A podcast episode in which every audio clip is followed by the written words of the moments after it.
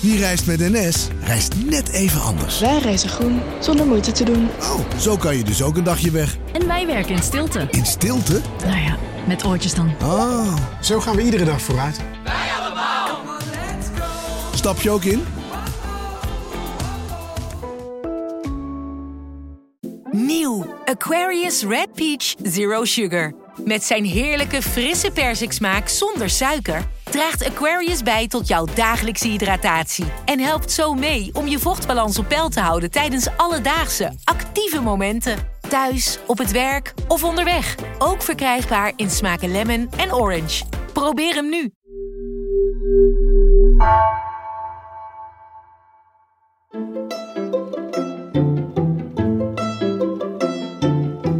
Welkom.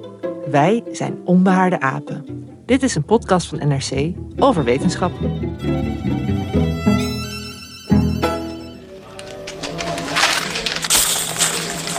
Another check. Sorry about the toothpicks. 82, 82, 82. 82 what, Ray? How, how much is this? Toothpicks. It's a lot more than 82 toothpicks, Ray. Plus 246 total. The change. Ray, how many toothpicks are there? 250. Pretty close. Come on, let's go, Ray. 246. There's four left in the box. In de filmklassieker Rain Man speelt Dustin Hoffman een man met autisme.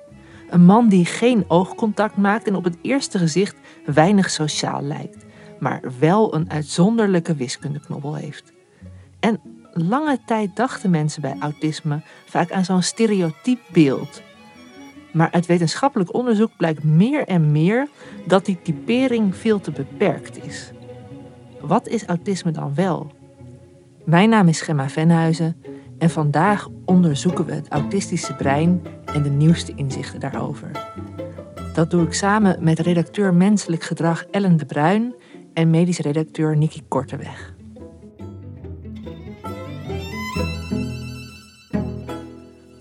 De zoektocht te beginnen luisteren we mee met Evelien Steiger-Martens.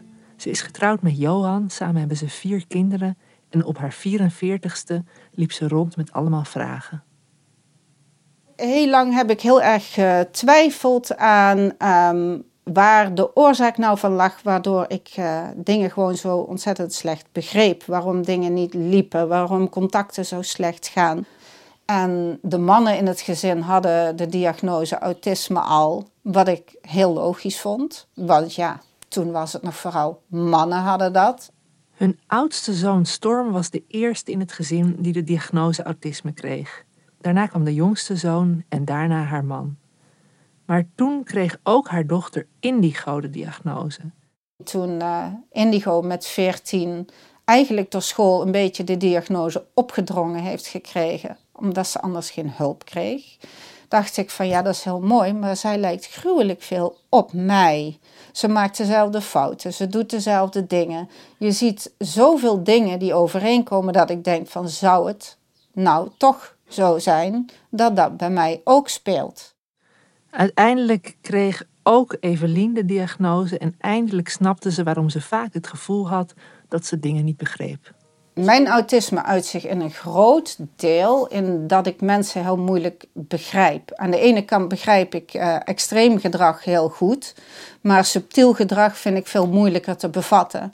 En um, het niet vertellen van waarheden of onduidelijk zijn. Um, ik denk vaak dat ik iets goed doe en dan blijk ik het toch weer uh, niet goed gedaan te hebben. Het verhaal van Evelien is tekenend voor de shift die gaande is in het wetenschappelijk onderzoek naar autisme. Het oude idee over mensen met autisme is: het zijn vaak mannen, ze zouden contactschuw zijn, geen empathie kennen en soms een heel uitzonderlijk talent hebben op één specifiek gebied. En dat stereotype beeld van autisme is verouderd. Maar voordat we daarover verder praten, laten we eerst beginnen bij de feiten. Want Ellen, hoeveel mensen in Nederland hebben eigenlijk de diagnose autisme? Ja, dat zijn er ongeveer 175.000. Want ongeveer 1% van de bevolking heeft autisme. Dat is wereldwijd. Dat is in ieder geval wat de mensen, eh, de deskundigen mij daarover uh, vertelden. En dat is wel eens anders geweest. Want als je uh, in de, naar de jaren 60 en 70 kijkt, dan lag, die, lag dat wel ongeveer een factor 100 lager. Toen werd er nog veel minder, was er nog veel minder duidelijk over autisme, over wat het precies was en wie het trof. En toen dachten mensen bijvoorbeeld ook nog dat het heel erg iets van kinderen was. Dus bij ouderen werd het al helemaal niet onderzocht. Nee, dus nu wordt eigenlijk de diagnose veel vaker gesteld. Veel vaker, ja. En daarnaast eh, kun je er ook van uitgaan dat eh, een deel van de Nederlanders zou misschien die diagnose wel krijgen, maar heeft zich natuurlijk niet laten onderzoeken. Ja, dat zou ook heel goed kunnen. En als we kijken naar het oude beeld van autisme, Niki, hoe zag dat er toen uit? Nou, het is inderdaad eigenlijk, uh, aanvankelijk was het een diagnose die, uh, die bij kinderen werd gezien. Uh, in 1943 was er kinderpsychiater Leo Kanner, Amerikaanse kinderpsychiater. En die beschreef dat nieuwe syndroom bij kinderen. Dat, dat, ging dan om jonge kinderen die echt afstandelijk waren en die heel veel moeite hadden met, met veranderingen in hun wereld. Um, en voor die tijd werd autisme ook wel gebruikt, maar meer als een soort uh, beschrijving voor mensen met schizofrenie bijvoorbeeld, die, uh, die afstandelijk waren. Dat autisme wat Leo Kenner beschreef, dat, uh, dat is eigenlijk wat we nu klassiek autisme zouden noemen. en dat, dat komt voor bij, hij beschreef het bij kinderen. En soms waren dat kinderen met ook een verstandelijke beperking, maar soms ook niet. Dus dat, daar was al een variatie in. Um, en ja, het, beschrijft eigenlijk een tekortkoming in de sociale interactie en in de, uh, het aanvoelen zeg maar, van sociale contacten. En een, een weerzin tegen uh, verandering. Ja, en we noemden in het begin al even Rain Man, hè, film uit 1989. En was dat een moment waarop de aandoening ook bij een groter publiek bekender werd? Ja, door die film is het wel uh, bij, bij veel meer mensen duidelijk geworden dat er zoiets bestaat als autisme. Um, en, en wat dat dan uh, ja, in stereotype vorm inhoudt. Het grappige is dat die film, zoals ik me herinner, dat is inderdaad een, uh, wel een volwassen man, maar ook heel kinderlijk is hij. En uh, hij heeft inderdaad ook zo'n één groot talent. Ik geloof dat als je een doosje lucifers laat vallen, dat hij dan precies kan zien hoeveel lucifers er op de grond liggen, dat soort dingen. Um, dus dat is wel echt dat oude uh, stereotype beeld van een beetje contactschuwe persoon met een, met een soort groot cijfermatig talent. Ja, en Ella, jij hebt uh, recent ook een stuk geschreven over nieuwe inzichten rondom autisme. Waarom klopt dat oude beeld niet meer? Wat, wat, wat, wat zijn er voor nieuwe inzichten bijgekomen? Ja, wat we nu zien is dat de diagnose veel vaker wordt gesteld bij uh, uh, bij andere groepen, bijvoorbeeld bij, bij ouderen, bij vrouwen. Je ziet eigenlijk pas sinds de, de eeuwwisseling dat ook ouderen en volwassenen die diagnose krijgen. Vroeger was het dus echt een, ja, een kinderziekte, klinkt een beetje raar, maar het was wel echt iets wat, ja, wat in, de, in de kinderpsychiatrie thuis hoorde. En uh, de laatste vijf jaar uh, wordt de diagnose ook wel gesteld, bijvoorbeeld bij echt ouderen, bij 80-plussers. En die zijn geboren of nog voordat die diagnose überhaupt bestond. Dus die kregen dan iets toegeschreven als ja, minimal brain damage of zo. Wat natuurlijk echt iets heel anders is. En de diagnose wordt vaker gesteld bij vrouwen tegenwoordig. Dus vroeger uh, werd wel gedacht dat er voor elke tien mannen met autisme maar één vrouw was. En uh, de laatste tien jaar uh, zien we daar echt een verschuiving in. En nu denken mensen wel dat, er, dat die verhouding misschien wel eerder drie mannen op één vrouw is. Dus dat, dat is echt een, een enorme kanteling. En, en hoe komt het dat, dat zoveel vrouwen jarenlang die diagnose niet hebben gekregen? Ja, dat heeft allerlei verschillende redenen. Uh, een daarvan is dat uh, uh, vrouwen kunnen het beter camoufleren. Van vrouwen wordt in de samenleving veel meer sociale smeerolie verwacht. En mensen met autisme zijn gevoelig voor wat er hoort. En die proberen dat dan na te doen. In ieder geval, die, die vrouwen die proberen dus te doen alsof ze, alsof ze heel sociaal vaardig en, en ja, alsof, ze, alsof ze goed gesprekjes kunnen voeren. Dus die proberen hun autisme te verbergen en zo normaal mogelijk over te komen. Er is ook een wetenschappelijk artikel met als titel Putting on my best normal. Dat is dan wat die vrouwen proberen te doen. En die, ja, die onthouden bijvoorbeeld standaard zinnetjes of zo, die ze dan kunnen gebruiken. Die, die in bepaalde contexten uh, uh, slim zijn. En zodat ze niet opvallen en herkend worden als iemand met autisme. Als ik bij mezelf denk, nadenk, denk ik ook wel, oh ja, maar ik heb, ik heb ook standaard zinnetjes. Dus, dus dat, dat, dat, dat is nog wel iets wat ik me afvraag. Hè? Want uh, tegenwoordig wordt dan als ik het goed zeg, ook uh, officieel gesproken over een autisme spectrumstoornis.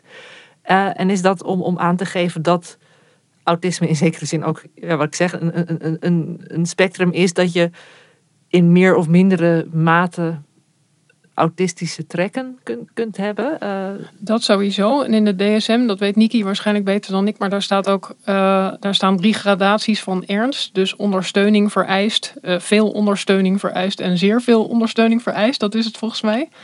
Dus ja, hoe goed je jezelf staande kunt houden in het dagelijks leven, dat, dat varieert. En dat is op zich al een spectrum. En ik kan me verder ook voorstellen dat bepaalde kenmerken in meer of minder ernstige mate voorkomen bij verschillende mensen. Ja, dat is wel uh, met die aanpassing in de, in de DSM, dat psychiatrische handboek voor alle stoornissen die, die we hebben. Uh, er is sinds 2013 uh, is, er, is er dus een nieuwe naam voor dit soort stoornissen. Dat is die autisme spectrumstoornis waar je het over had. En ehm, ja, die is wel echt herzien op die manier, zodat je ja, veel, veel duidelijker onderscheid kan maken tussen alle verschillende verschijningsvormen waarin autisme voor kan komen. Want er zijn gewoon heel veel verschillende uh, manieren waarop autisme zich kan uiten. En daarvan is men zich steeds meer bewust. En daardoor krijg je dus ook steeds, krijgt een steeds bredere groep ook de diagnose. En eigenlijk, uh, ja, je moet voldoen aan, aan drie criteria uh, die allemaal op het gebied van sociale interactie liggen. En sociale communicatie. Dus ja, mensen met autisme kunnen bijvoorbeeld zoals wij hier zitten en dit gesprek voeren, als ik iets wil zeggen en ik wil inbreken, dan, dan kan ik een beetje naar jou kijken, Gemma. En dan, dan kan je aan mijn non-verbale communicatie zien van, oh, er zit iemand die ook misschien iets wil zeggen. En iemand met autisme, die kan dat bijvoorbeeld niet makkelijk. Die, die snapt misschien ook niet als ik dan, uh, als ik iets fout zeg en Ellen geeft jou een knipoog van, nou, dit laten we maar even zitten dan, dan, dan zou ik dat niet snappen als ik autisme heb. Dat soort subtiele non-verbale communicatie. Dus op die sociale interactie, uh, ja, er zijn drie criteria waarop iemand met echt moet scoren voordat hij de diagnose autisme krijgt. En dan zijn er nog vier andere aspecten waar je er minimaal twee van moet hebben. Uh, en dat gaat om uh, ja, stereotype bewegingen maken, dus steeds dingen herhalen. heel erg vasthouden aan routines um, enorm gefixeerd zijn op één bepaald onderwerp en daar heel erg veel uh, over weten, heel veel over vertellen. En de laatste, en dat is nieuw sinds 2013, dat is uh, dat mensen over- of onderreageren op zintuigelijke prikkels. Dus dat je bijvoorbeeld heel gevoelig kunt zijn voor geluiden of juist weinig gevoelig. Ja. ja, ja. En bij, voor al deze kenmerken geldt ook, neem ik aan, dat je er dan hinder van, hè, om, om zeg maar er wordt toch vaak, ja, juist bij, bij, bij, bij um, uh, stoornissen uit de DSM gezegd van, oh ja, je moet er wel in je, je dagelijks leven last van hebben of hinder van ondervinden om het daadwerkelijk de diagnose te krijgen. Ja, je, ja, het is niet genoeg als ik zeg, oh ja, maar ik, heb, ik ben ook gevoelig voor harde geluiden, dus ik heb het. Nee, dan is dat meer een aspect van, van je persoonlijkheid. Ja.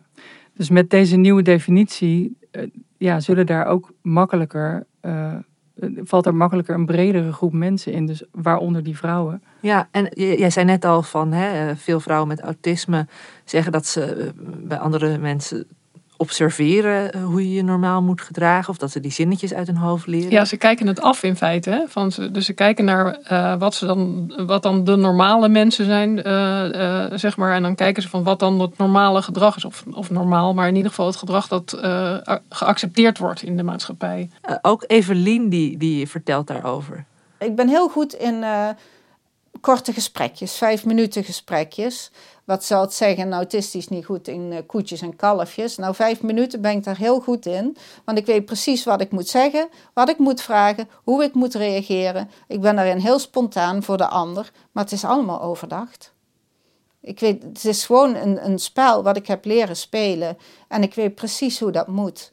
En ik kan al die mensen met een glimlach achterlaten. Dat, als je dat zo hoort, dan klinkt het super uitputtend in zekere zin. Om ja, de hele dus tijd acteren in feite. Ja. Hè? Je bent aan het acteren. En is dat dan ook eh, dat, dat al dat, dat camoufleren en kopiëren veel energie kost? Ja, absoluut. Eh Annelies Spek, die is hoofd van het Autisme Expertisecentrum in Eemnes. Eh, die doet heel veel diagnostiek en behandeling. En vooral van vrouwen met autisme.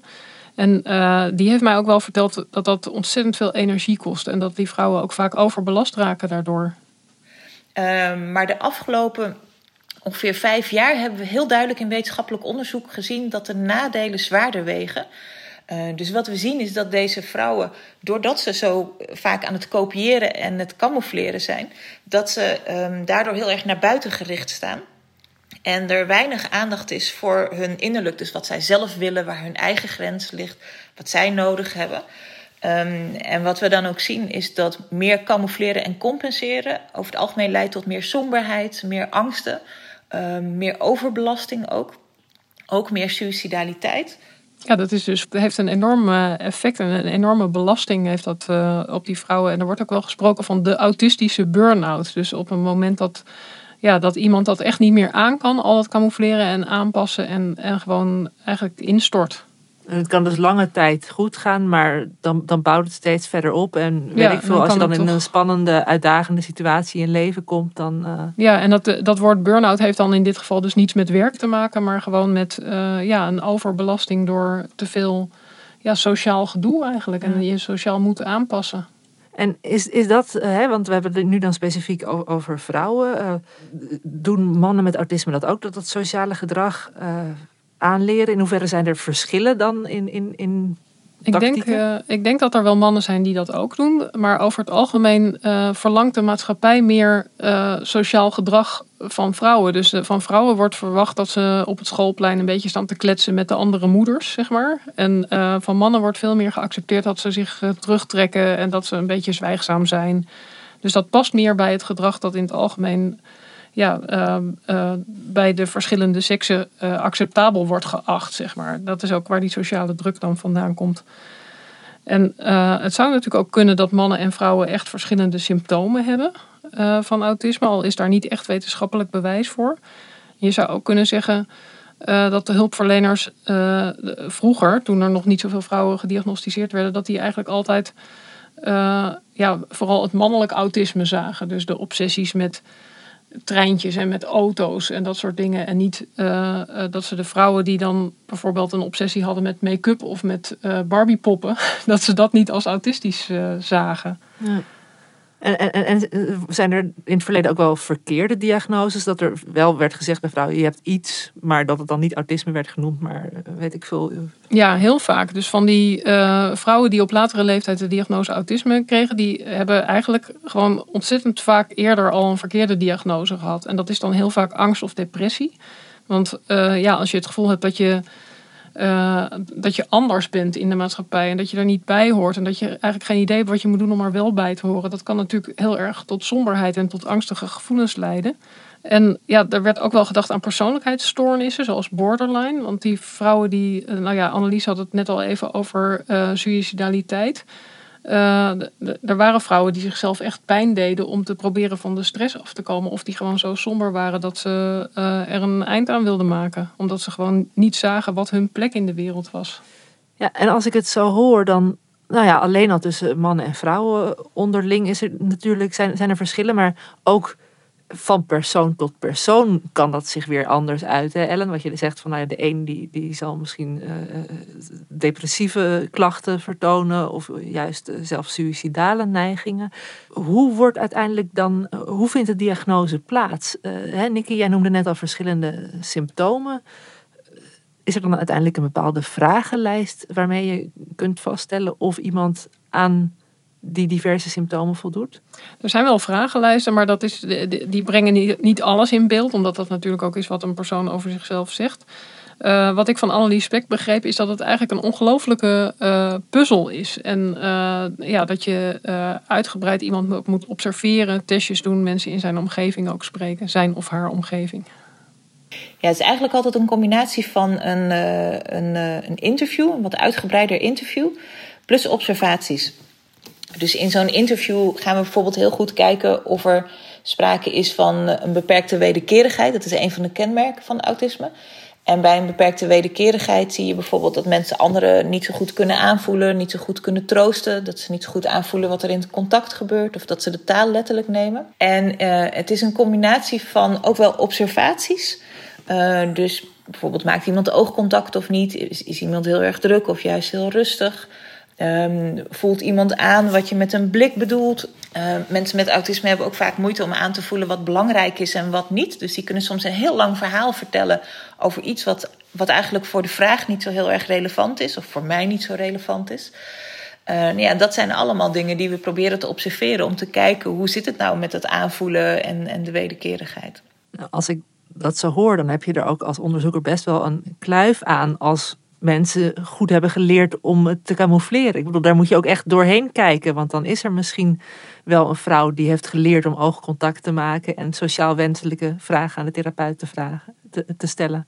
Ja, dat lijkt me ook ontzettend moeilijk inderdaad. En uh, ik, ja, Annelies Beck vertelde dat ze ook dan wel mensen in de omgeving spreekt. Gewoon om het gedrag te beschrijven van die persoon. Het is ook echt ingewikkeld. En die, die beperkte wederkerigheid waar ze het over heeft. Uh, hoe, hoe uitzicht dat dan? Nou, wat ik daar wel interessant aan vind, is dat je uh, eigenlijk, als het gaat om, uh, om empathie bijvoorbeeld, want er wordt heel vaak gezegd, mensen met autisme die hebben geen empathie, die kunnen niet meevoelen. En dan mensen met autisme zelf, die gaan daar heel erg tegenin, omdat het, daar komen we nu steeds meer achter, juist wel heel gevoelig zijn. Maar je moet dan een onderscheid maken tussen ja, cognitieve empathie en emotionele empathie, is wat Annelies Beck dan zegt. Dus zij had een heel mooi voorbeeld van een man met autisme die uh, uh, vond het altijd heel erg zielig voor mensen als die met de lift moesten. Want hij had zelf liftangst. Hij durfde zelf eigenlijk niet goed in een lift. En uh, hij hield er dan geen rekening mee dat andere mensen die angst niet hoefden te hebben. Hij vond het sowieso zielig voor ze als ze met de lift moesten. En dat is eigenlijk dat verschil tussen cognitieve en emotionele empathie. Ja, maar je kunt dus eigenlijk zeggen dat hij heel betrokken is en heel, heel erg, betrokken, heel ja. erg meevoelt. Ja. Ja. ja, dus dat dogma van hè, dat, dat mensen met autisme niet empathisch zijn, dat begint echt langzaam te kantelen nu. En uh, nou, dat, dat, dat zie je dus terug in dat handboek, de DSM, waar ik het net over had, waar sinds 2013 een nieuwe omschrijving is van autisme. Daar zit dat ook al in. Dat, dat soms juist mensen met autisme heel goed anderen kunnen aanvoelen. En dat een onderliggende oorzaak daarvan is dat ze soms heel gevoelig zijn, juist voor allerlei prikkels van buiten, voor licht of geluid, maar dus ook voor, voor uh, signalen van mensen. Dus die hypergevoeligheid, de, dat is echt een onderdeel van een nieuw inzicht, waardoor dat, dat beeld nu begint te kantelen. Ja, dus het kan eigenlijk zowel sociale gevoeligheid als zintuigelijke gevoeligheid zijn. Ja, het kan zich op allerlei vlakken uiten. En ja, vaak is dan wel, wat Ellen net ook al zei, dat, dat ze wel het uh, registreren, maar niet daar een goede reactie op kunnen geven. Maar dat is, wel, dat is een duidelijk ander beeld dan, dan uh, wat vroeger het, het dogma was, zeg maar. Dat, dat mensen met autisme gewoon helemaal niet doorhebben wat anderen voelen. Ik heb een hele sterke gevoeligheid. Geluiden heb ik uh, heel erg. Bepaalde geluiden die irriteren me ongelooflijk. Krakend plastic, krakend papier, um, langzame geluiden, repeterende geluiden. Ik heb altijd zachte kleren aan. Uh, niks wat moet klemmen, niks wat uh, moet irriteren. Um, en dat is dus ook een bron van overprikkeling heel snel. Omdat je um, de geluiden, alles om je heen te veel ziet. Ja, dus wat we hier Evelien horen zeggen, hè, net hadden we het er al over van het, het kost gewoon überhaupt veel energie als je de hele dag een beetje moet acteren of, of, of, of camoufleren. En dan komt er ook nog eens bij dat je enorm intens op al die prikkels van buitenaf reageert. Wat me ook weer heel vermoeiend lijkt. Ja, dat de wereld eigenlijk heel hard uh, binnenkomt. Ja, dus dan lijkt zo'n zo'n autisme-burn-out me ook, ook echt niet verwonderlijk als je dat dan hoort. Ja, en wat daar ook wel interessant aan is, uh, je ziet dus dat mensen met autisme heel, heel sterk meeleven met anderen. Dus die emoties die nemen ze waar en ze vinden dat, ja, ze worden heel erg daardoor geraakt. Ze hebben heel, heel sterk rechtvaardigheidsgevoel ook uh, vaak. De dingen moeten eerlijk gaan en anders worden ze worden ze daar boos over. Maar wat ook wel gebeurt is, uh, als iemand te intense emoties heeft, dan kan iemand met autisme zich afsluiten, want die vindt dat gewoon te hevig. En daardoor lijkt het, of leek het misschien vroeger ook heel vaak, dat zo iemand geen empathie heeft. Maar dat is dus eigenlijk een vorm van overprikkeling. Of dat kan dat zijn in ieder geval. En zou datzelfde dan ook voor oogcontact maken kunnen gelden? Dat je bijvoorbeeld. eh, hè, oogcontact is natuurlijk ook best wel intens. Want Ja, dan lees je weer allemaal Ja. emoties in de ogen van de ander. Dat je juist als je misschien dingen moet verwerken, liever naar de grond kijkt om even eh, je op je gedachten en je gevoelens te kunnen concentreren. In plaats van ook nog contact maken. Ja, dat lijkt me ook heel logisch. Ik moet ook meteen aan dieren denken die oogcontact ook een beetje vermijden als ze niet eh, in een conflict willen, willen komen. Dat is ook wel het prettige aan het luisteren naar een podcast, zit ik nu te denken. Dat je dan gewoon eventjes puur op je gehoor gericht kan zijn. Vind ik in ieder geval af en toe prettig. Ja, zeker. Wat ik ook wel interessant vind is dat mensen met autisme die, die worden vaak overprikkeld door dingen van buitenaf. Maar dingen die van binnenuit komen, daar hebben ze veel meer moeite mee om, te, ja, om, om die aan te voelen of om te voelen wat er eh, precies aan de hand is. Dus ze voelen soms honger en dorst niet goed. Uh, maar ze hebben ook uh, bijvoorbeeld problemen met het herkennen van hun eigen emoties. Dan, dan voelen ze wel iets, maar dan weten ze niet goed wat het is. En uh, dat wordt wel alexithymie genoemd. Dat je dus niet goed je eigen gevoelens kunt onderscheiden en verwoorden. En vrouwen met autisme hebben dat ook vaak niet. En dan zie je vaak dat ze heel veel voelen. Dus ze hebben een soort onrust in hun lichaam. Maar ze weten niet precies wat dat dan, ja, wat er aan de hand is en hoe het komt. En dat, ja, En daar raak je boosheid eh, of ja, nou ja, verdriet of- ze weten dus niet wat het is. Er is een onrust en ze denken, wat is er nou? Wat is er nou? En dat maakt ook, als je niet precies weet wat er aan de hand is, dat je dat niet goed kunt reguleren. Dus dat je daar heel erg, ja, nog onrustiger eigenlijk door Ja. wordt. Of juist over je eigen grenzen dan heen kunt gaan misschien. Hè? Stel dat je overprikkeld raakt en dat niet herkent, dan, dan kan het alleen nog maar meer uit de hand lopen. Ja, dat zou ook heel goed kunnen, ja. Dat kenmerk van, van die overgevoeligheid, die nu, wat nu steeds meer op de voorgrond komt te staan, ook bij mensen met autisme, dat is eh, eigenlijk de basis ook van een, een nieuwe theorie over autisme. En dat, die heet Intense World Theory. En eh, ja, ik vind het wel heel, heel toepasselijke naam, want dat klinkt ook heel intens. Hè, de manier waarop ze het beleven, eh, dat lijkt me echt ontzettend heftig als je op zo'n manier de hele dag maar eh, allerlei indrukken te verwerken krijgt. En, en wat, wat houdt die theorie precies in? Ja, dat is een, een theorie van hersenwetenschapper Henry Markram. En, eh, van, van origine komt hij uit Zuid-Afrika, maar hij werkt nu in Zwitserland. En hij heeft een zoon met autisme, Kai. En tot zijn grote frustratie kon hij gewoon niet begrijpen wat er nou aan de hand was met zijn zoon Kai. Dus hij is al zijn hele wetenschappelijke leven ook op zoek naar ja, antwoorden over wat er nou aan de hand is en wat hij daaraan kan doen. En dat- dat, deed hij samen met zijn eh, tweede vrouw. Hij is eh, inmiddels gescheiden van de moeder van Kai. En eh, hij is samen met een tweede vrouw. En die vrouw is biopsychologe. En ja, samen bestrijken zij dan een heel, heel onderzoeksgebied. Hè, van, van moleculen tot hersenanatomie tot, tot gedrag. Ze zijn dus jarenlang allereerst op zoek geweest naar eh, wat er nou precies aan de hand was met Kai.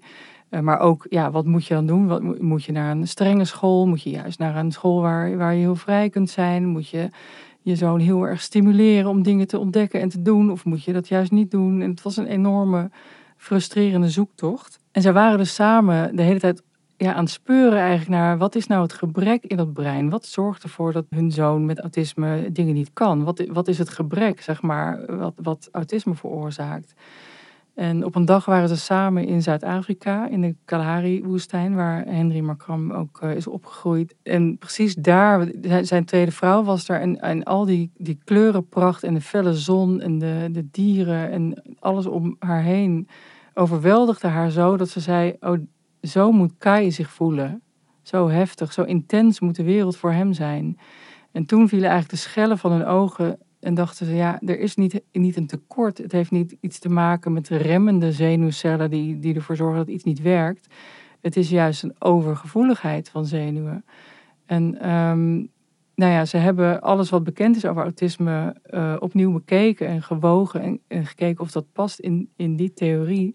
En ja, dat, dat bouwt eigenlijk heel, eh, heel mooi op tot die intense world theory. Ja, dus eigenlijk sluit dat heel mooi aan bij wat Ellen net al vertelde over die, die, die overprikkeling als het ware. Hè, want je zegt net van Markram, die, die is ook hersenwetenschapper, dus die weet allemaal tot op een heel gedetailleerd niveau hoe dat eraan toe gaat. Wat is dan hun verklaring voor wat er in een autistisch brein gebeurt op zo'n moment? Ja, zij denken dus dat er, dat er ehm, hyperactiviteit is van zenuwcellen in hele kleine microcircuitjes. Dus dat daar die, die hersencellen veel te actief zijn.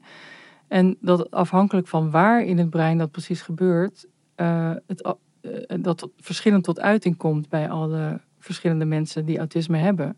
Dat dat dus uh, de basis is van, van die grote verscheidenheid ook aan uitingen die, die mensen met autisme kunnen hebben. Ja, dus of je juist op geluiden of uh, stemmingen of uh, weet ik veel uh, ja, dingen die je of, moet onthouden. Ja, of dat als je heel goed bent in wiskunde, dan is daar misschien in dat het wiskunde hersengebied tussen aanhalingstekens, is, is daar misschien die ontwikkeling anders gegaan.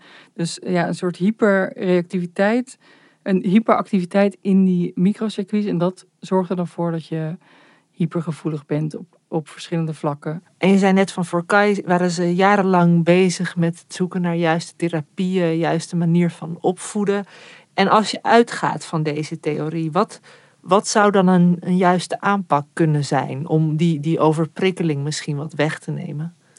Ja, nou, die theorie van hun is, uh, die voert vrij ver. Want zij, um, uh, zij denken dus dat, dat je juist uh, in de jeugd mensen met autisme in een heel prikkelarme omgeving moet opvoeden, zodat al die microcircuits niet al die hyperverbindingen maken. Uh, want een, jong brein is natuurlijk heel, dat leert heel snel. Dus alles wat je dan uh, meemaakt, dat kan in je, in je geheugen gegrift worden. Hè? Als je als kind iets ernstigs meemaakt, dan, dan blijf je dat jarenlang uh, met je meedragen. En mensen met, mensen met autisme in hun theorie hebben dat nog veel erger. Dus alles wat dan in de jeugd een hevige indruk maakt, dat, ja, dat heeft effect in, in de toekomst. Dus zij zeggen, als je nou de opvoeding zo prikkelarm mogelijk maakt, dan zul je daar later, zal zo iemand later minder last ervaren van de beperkingen die, die autisme met zich mee kan brengen. Nou, dat, ik, bedoel, ik, ik, ik, spreek hier totaal niet, niet met, vanuit de wetenschappelijke expertise, maar als ik dat zo hoor als leek, denk ik dat dat is gewoon ook onmogelijk. Je, je kunt niet een kind zodanig opvoeden dat je elke prikkel bij hem of haar uit de, uit de buurt houdt. Toch? Nee, nee, natuurlijk niet. En dat is natuurlijk ook niet wat, wat zij beogen. Ik bedoel, ja, je groeit nu eenmaal op in een wereld. Maar uh, ja, er is een verschil met, met een kind normaal als ouder wil je misschien je kind zoveel mogelijk dingen laten meemaken, zoveel mogelijk dingen zien, met het kind reizen, allerlei, ja, zoveel mogelijk uh, juist prikkels geven om, om dat brein te vormen, bij wijze van spreken. En hun theorie is, uh, ja, als je dat beperkt in de jeugd, dan, uh, dan pluk je daar later misschien de vruchten van. Maar zij krijgen ook wel kritiek hoor, van, van andere autisme, autisme-onderzoekers. Uh, die precies dit punt uh, vinden zij veel te snel geformuleerd. Want dit is voornamelijk op rattenonderzoek nog gebaseerd. En uh, ja, het is natuurlijk niet de bedoeling dat je een kind helemaal geïsoleerd gaat opvoeden. Nee, het doet me ook denken aan, we hadden in de vorige aflevering, dat ging over het microbioom van mijn knuffelaap. En daar ging het over de hygiënehypothese. Die stelt juist op een heel ander vlak natuurlijk weer, dat je bijvoorbeeld je, je immuunsysteem van jonge kinderen heel erg eh, dat hij juist wel met prikkels, dus, dus met, met ziekteverwerkers in aanraking moet komen, omdat het anders niks gewend is en overgevoelig gaat reageren. Dus dan denk ik ook, ja, als je in je jeugd helemaal geen prikkels meekrijgt en dan later als volwassen opeens wel, hè, als je heel beschermd wordt opgevoed en dan opeens hoppa de vrije wereld ingaat. Maar dat zal ook niet voor elk kind gelden, toch? Als, je, stel dat je dan een kind hebt dat, dan, dat heel gevoelig is voor ziekteverwekkers, dan wil je die ook misschien niet in een uh, ziekteverwekkerrijke omgeving laten opgroeien, maar ook wel een beetje. Dat is waar, ja goed. Verarmd. Dit is, dit is maar het voert misschien te ver. Wetenschap van de koude grond, maar... Uh... Maar met die intense world theory, die dus inderdaad nog wel beter onderbouwd moet worden... Met die, door, door die bril te kijken kun je wel symptomen verklaren. Wat jij net al zei, uh, iemand in de ogen kijken. Ja, dat kan gewoon veel te intens zijn. En de, er is bijvoorbeeld een onderzoek wat laat zien dat, dat uh, kinderen in hersenscanner die naar foto's, uh, afbeeldingen van gezichten kijken, dat daar het hersengebied voor gezichtsherkenning niet oplicht. En dan was de conclusie van die hersenonderzoekers van oké, ze zien dat niet, ze registreren dat gezicht niet. Maar bleek later, als je uh, tekeningen van gezichten laat zien, dan ligt het hersengebied wat de gezichten herkent wel op. Dus dat, dat, dat kan je vertellen dat kinderen misschien naar de foto's met echte ogen niet durven kijken, omdat dat te eh, te veel prikkels geeft. Maar dat een tekening eh, dat dat minder bedreigend is. En dat ze daar dan wel naar durven kijken. En dus wel gewoon gezichten kunnen zien. En zich daar misschien ook wel in kunnen inleven.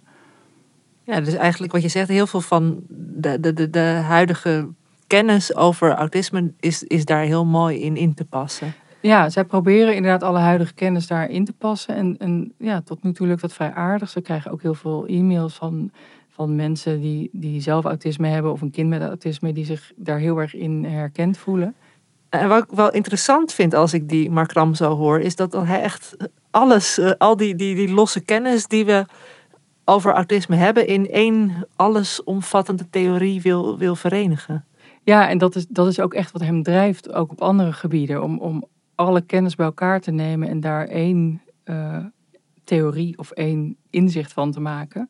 Want hij is ook de grondlegger van het Human Brain Project, wat in uh, 2013 begon. Uh, daarmee sleepte hij 1 miljard euro van de Europese Commissie uh, binnen, Europees onderzoeksgeld, om een, ja, een computermodel te bouwen van een menselijke brein. Dus het totale menselijke brein helemaal simuleren in de computer. Nou, de, computer waarin dat kan, die moet nog uh, gebouwd worden, zeg maar. Dus het is een enorm uh, megalomaan project. En het kreeg ook heel veel kritiek.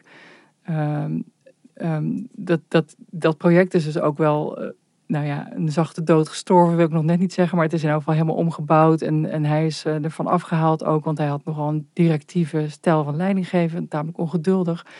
Um, maar, een beetje autistisch misschien ook. Nou, ik heb hem geïnterviewd en ik, ik heb ook gevraagd of hij uh, daarin dingen herkent. En hij, hij, zei ja, dat, ik herken zeker wel dingen daarvan in mijn zoon. Onder andere dat, dat alles willen, halve vragen, daar houdt hij niet van. Hij wil het gewoon totaal uh, kunnen beantwoorden. En, uh, en inderdaad, die, dat ongeduld. ja, dat, dat is wel wat hem drijft. En jij zei net, hij groeide op. Uh, je noemde die Kalahari-woestijn, waar hij met zijn tweede vrouw was. En je zei, daar was hij in de buurt ook opgegroeid. Ja, en, en dat is ook wel de basis uh, van wat hem, denk ik, heeft, heeft geïnspireerd voor die uh, Intense World Theory. Want hij, ja, hij groeide gewoon op in die voor hem heel herkenbare mooie natuur. De, niet heel veel prikkels. Dat is natuurlijk iets heel anders dan een stedelijke omgeving. Kijk, voor zijn, nieuwe, voor zijn tweede vrouw was het allemaal nieuw en intens. Maar voor hem was dat gewoon een, een gegeven waar hij dagelijks mee te maken had. En, uh, dus eigenlijk uh, past hij zelf ook in zijn allesomvattende theorie. Ja, dat idee heeft hij wel. Dat doordat hij opgroeide in die relatief prikkelarme omgeving van de Kalahari, dat hij daardoor misschien uh, ja, dat zijn brein misschien in alle rust de kans had om, om iets minder uh, problematisch te ontwikkelen dan, dan je misschien zou hebben bij, uh, als hij was opgegroeid in een, in een, een prikkelrijke omgeving. En we hebben het nu over vader en, en zoon, hè, dan allebei mogelijk met autisme. Dat doet me ook denken aan, aan, aan wat weten we over de oorzaak of de, de genetische component bij autisme? over de oorzaak van autisme, daar zijn nog heel veel vragen over, maar er, er is zeker een genetische component. Uh, er zijn tot nu toe duizend genen, zo ongeveer, uh, die daarbij betrokken zijn gevonden. En de teller loopt nog, dus dat, dat is waarschijnlijk niet alles. Uh, het is vaak een combinatie van meerdere genetische veranderingen. Um, en dat zijn dan vaak ook genen die betrokken zijn bij, bij, die, bij de communicatie tussen hersencellen onderling. Wat wel duidelijk uh, wordt, is dat het met verbindingen te maken heeft. En dan met een teveel en een te weinig. Dus het lijkt, er, het lijkt erop dat er te veel uh, verbindingen tussen hersencellen zijn. Uh, in kleine circuitjes. Maar ook te weinig verbindingen tussen hersengebieden die wat verder van elkaar af liggen. Um, en ja, bij zeker 80% van de mensen met autisme speelt een genetische achtergrond een rol. Maar daarnaast is ook de omgeving heel belangrijk. Je, ziet vaak dat dat een wisselwerking heeft. Um, en nou ja, heel belangrijk is daarbij de ontwikkeling in de baarmoeder. Uh, er zijn bepaalde medicijnen en, en ook alcoholgebruik uh, op een bepaald moment in de, in de ontwikkeling van een embryo. Dat kan ervoor zorgen dat er uh, ja, dat die genen tot uitdrukking komen. Dus ja, het feit dat je die genen bij je draagt, wil nog niet zeggen dat je ook uh, later een vorm van autisme krijgt. Daar moet ook de omgeving uh, een rol bij hebben gespeeld, is het idee. Maar er zijn, uh, ik denk dat er meer vragen zijn dan antwoorden al. Ja, dus wat je zegt is eigenlijk een exacte oorzaak weten we nog niet. Maar wat uit jullie verhaal wel duidelijk naar voren komt, is dat het wetenschappelijk onderzoek naar autisme nog wel volop in ontwikkeling is. Ja, absoluut. En uh, wat daar ook een rol bij speelt, is dat uh, mensen met autisme zelf zich met dat onderzoek zijn gaan bemoeien. Uh, ze zijn sowieso zelf hun verhalen vaker gaan delen. Ze zijn ze gaan opschrijven. ze zijn ze gaan bloggen. ze zijn ze via social media gaan delen. En uh, ze worden ook steeds vaker geconsulteerd door uh, onderzoekers. Dus onderzoekers willen graag samenwerken met mensen met autisme en met hen praten om te kijken ja, hoe zij de wereld ervaren. En is dat ook omdat ze zich misschien meer geaccepteerd voelen, dat ze ook meer ermee naar het buiten durven te komen? Dat het, uh... Nou, het is denk ik een emancipatiebeweging. Dus ze willen geaccepteerder worden. En ja. daarom komen ze ermee naar buiten. En het resultaat is denk ik inderdaad dat ze dan ja, dat ze meer geaccepteerd worden. En hoe zit het met intelligentie en autisme? Want um, hè, wat ik me herinner is dat je het ook vaak hoorde over het syndroom van Asperger. Dat was dan een soort. Um, ja, hoe zeg je dat? Uh, dat was een beetje de hoofdprijs, zeg maar. Van als, je, uh, als je dan toch een autisme-diagnose had, dan was Asperger de beste, want dan had je in ieder geval een heel hoog IQ. Zoiets was dat. Maar die diagnose die bestaat eigenlijk niet meer. Die is in de, in de nieuwe versie van het psychiatrisch handboek DSM uh, in 2013 is die eigenlijk opgegaan in autisme spectrumstoornis. En uh, nou ja, wat we. Uh, wat er ook steeds meer gebeurt, is dat die diagnose van autisme spectrumstoornis vaker gesteld wordt bij mensen met een normaal IQ. Dus vroeger dachten we, mensen met autisme zijn ook heel vaak verstandelijk beperkt. Uh, 25 jaar geleden dachten we zelfs dat een kwart van de mensen met autisme maar een uh, normaal tot hoog IQ had. Maar nu denken we dat driekwart van de mensen met autisme uh, normaal tot hoog IQ heeft. En dat is eigenlijk ongeveer hetzelfde als mensen zonder autisme. Dus eigenlijk is er nu niet zo heel erg, wordt er niet zo heel erg meer een verband gezien tussen intelligentie en autisme. Het komt gewoon, ja, het, het komt bij mensen van allerlei IQ voor, zeg maar. En is het dan misschien wel zo dat met een hoger IQ dat mensen, weet ik veel, behendiger zijn in het camoufleren ervan? Dat. In het camoufleren weet ik niet, want ik denk dat dat meer emotionele intelligentie is. Uh, maar uh, ik, ja, je, zou kunnen zeggen dat mensen met een normale, dus met een gemiddelde intelligentie, misschien soms minder last hebben van hun autisme. Hoewel ze uh, daar het zelf ook niet altijd mee eens zijn. Dus uh, de hulpverleners die ik sprak, die zeggen dan wel van dat mensen, mensen met normaal IQ naar hen toe komen en zeggen: Ja, maar ik ben wel nog steeds autistisch. Ik heb wel nog steeds die problemen. Dus het is ook niet over. Al denk ik wel dat mensen met, een, uh, met autisme en een extreem laag IQ of een extreem hoog IQ, dat zijn dus ook uh, de wat zeldzamere gevallen, zeg maar. ik denk wel dat die hier nog meer problemen mee hebben. Al is het maar omdat de maatschappij minder is ingesteld op uh, mensen die kenmerken hebben die minder vaak voorkomen. Ja, en hier zie je ook weer, waar we het eerder al over hadden, van er zijn gewoon heel veel verschillende uitingsvormen uh, van autisme. En uh, dat hoor je ook terug in wat Evelien erover vertelt. Wolf en ik, wij hebben dezelfde um, gevoeligheid, heel erg. En wij merken echt alles, maar dan ook alles om ons heen. Wat ook zorgt dat uh, dat hoofd altijd uh, gigantisch vol is. En wij heel veel behoefte hebben om ons dus af te zonderen van de dingen. Maar als je ziet, uh, mijn man die um, heeft ook wel een druk hoofd, maar dat uit zich weer heel anders. En hij kan zich uitschakelen. Hij kan zijn hoofd gewoon uitzetten. Dan kan hij een tijdje gaan zitten. En dan kan hij weer verder. Want autisme is natuurlijk voor iedereen ontzettend anders. En uitzicht bij iedereen anders, omdat iedereen een ander persoon is. En ondanks dat je een aantal kenmerken wel hebt, um, zijn ze niet hetzelfde. En ik heb natuurlijk vijf gezinsleden als vergelijkingsmateriaal. Ik vraag me dan wel af van hoe moeten we er naar kijken als het zo omvangrijk wordt? Past iedereen dan uh, na verloop van tijd niet binnen dat spectrum? Iedereen niet, uh, denk ik. Want je moet nog steeds wel voldoen aan die criteria, zoals Niki die eerder genoemd heeft, die in de uh, DSM staan, in het psychiatrisch handboek. Maar het is wel zo dat steeds meer onderzoekers en ook steeds meer mensen met autisme zelf, die noemen autisme eigenlijk uh, geen stoornis meer. Die vinden dat ook een, een beetje een stigmatiserend woord. Ja, ik Eh, voelde me in het begin ook bezwaard dat ik aandoening zei. Dat, eh, Aandoening, ja. ja. dat is inderdaad ook eh, een, een beetje een, een stigmatiserend woord, denk ik. Ehm, veel mensen met autisme denken nu, het is, eh, au- autistisch zijn is een manier van zijn. Het is een, een soort variant in, eh, ja, in hoe je eh, gewired bent in je hoofd. En je hebt diversiteit in huidskleur, je hebt diversiteit in seksuele oriëntatie. En zo bestaat er dan ook iets wat ze neurodiversiteit noemen. En dat is ja, verschillen in, tussen mensen in hoe hun brein werkt.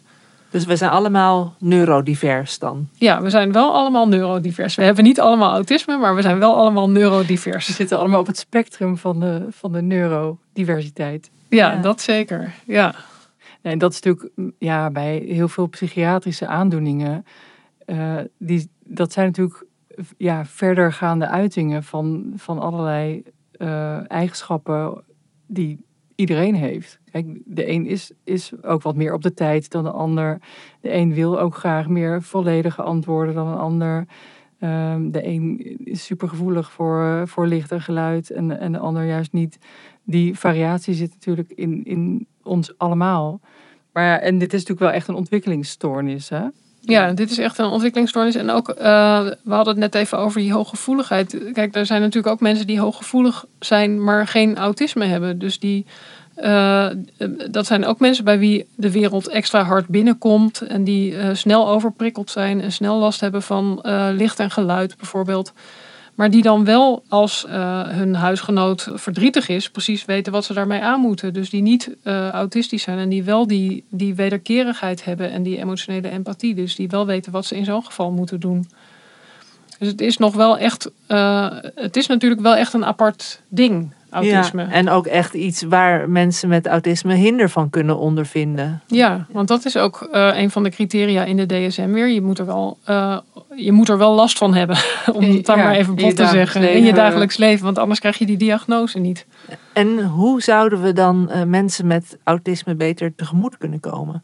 Nou, in elk geval, eh, omdat we weten dat dat camoufleren zo verschrikkelijk eh, veel energie kost en zo vermoeiend is, eh, zou het al helpen om, ja, om meer variatie in gedrag te accepteren van mensen. Dus als er iemand is die niet houdt van oogcontact maken of die geen zin heeft om, om over koetjes en kalfjes te praten, om dat te accepteren als eh, dat is ook gedrag wat wij wa- wat je kunt hebben en wat je kunt zien en eh, om, om niet iemand dan daarom af te schrijven of te gaan pesten of buiten te sluiten. Ja, we zouden ons eigenlijk meer moeten inleven in hen. Dat zegt die Henry Markram ook. Die zegt, ja, wij zeggen wel dat mensen met autisme geen empathie hebben, maar wij hebben zelf geen empathie voor hen. Nou, en dat vind ik een hele mooie conclusie van deze podcast. Eh, niet alleen maar kijken in hoeverre mensen met autisme zich in ons kunnen inleven, maar misschien moeten we gewoon zelf ons wat meer inleven in mensen met autisme en die hele neurodiversiteit omarmen. En voor dat begrip van neurodiversiteit wil ik jullie bedanken, Nicky en Ellen, dat jullie eh, met jullie mooie verhalen het weer een stuk inzichtelijker hebben gemaakt. Ook Annelies Spek bedankt voor haar bijdrage. En natuurlijk Evelien Steiger-Martens met haar openhartige verhalen over hoe het is om te leven met autisme. En voor de productie eh, bedankt Liz Doutsenberg en Nina van Hattem. Het Dudok Kwartet voor de altijd mooie muziek. En jullie als luisteraars ook bedankt. Eh, Dit was Onbehaarde Apen voor deze week en tot volgende week.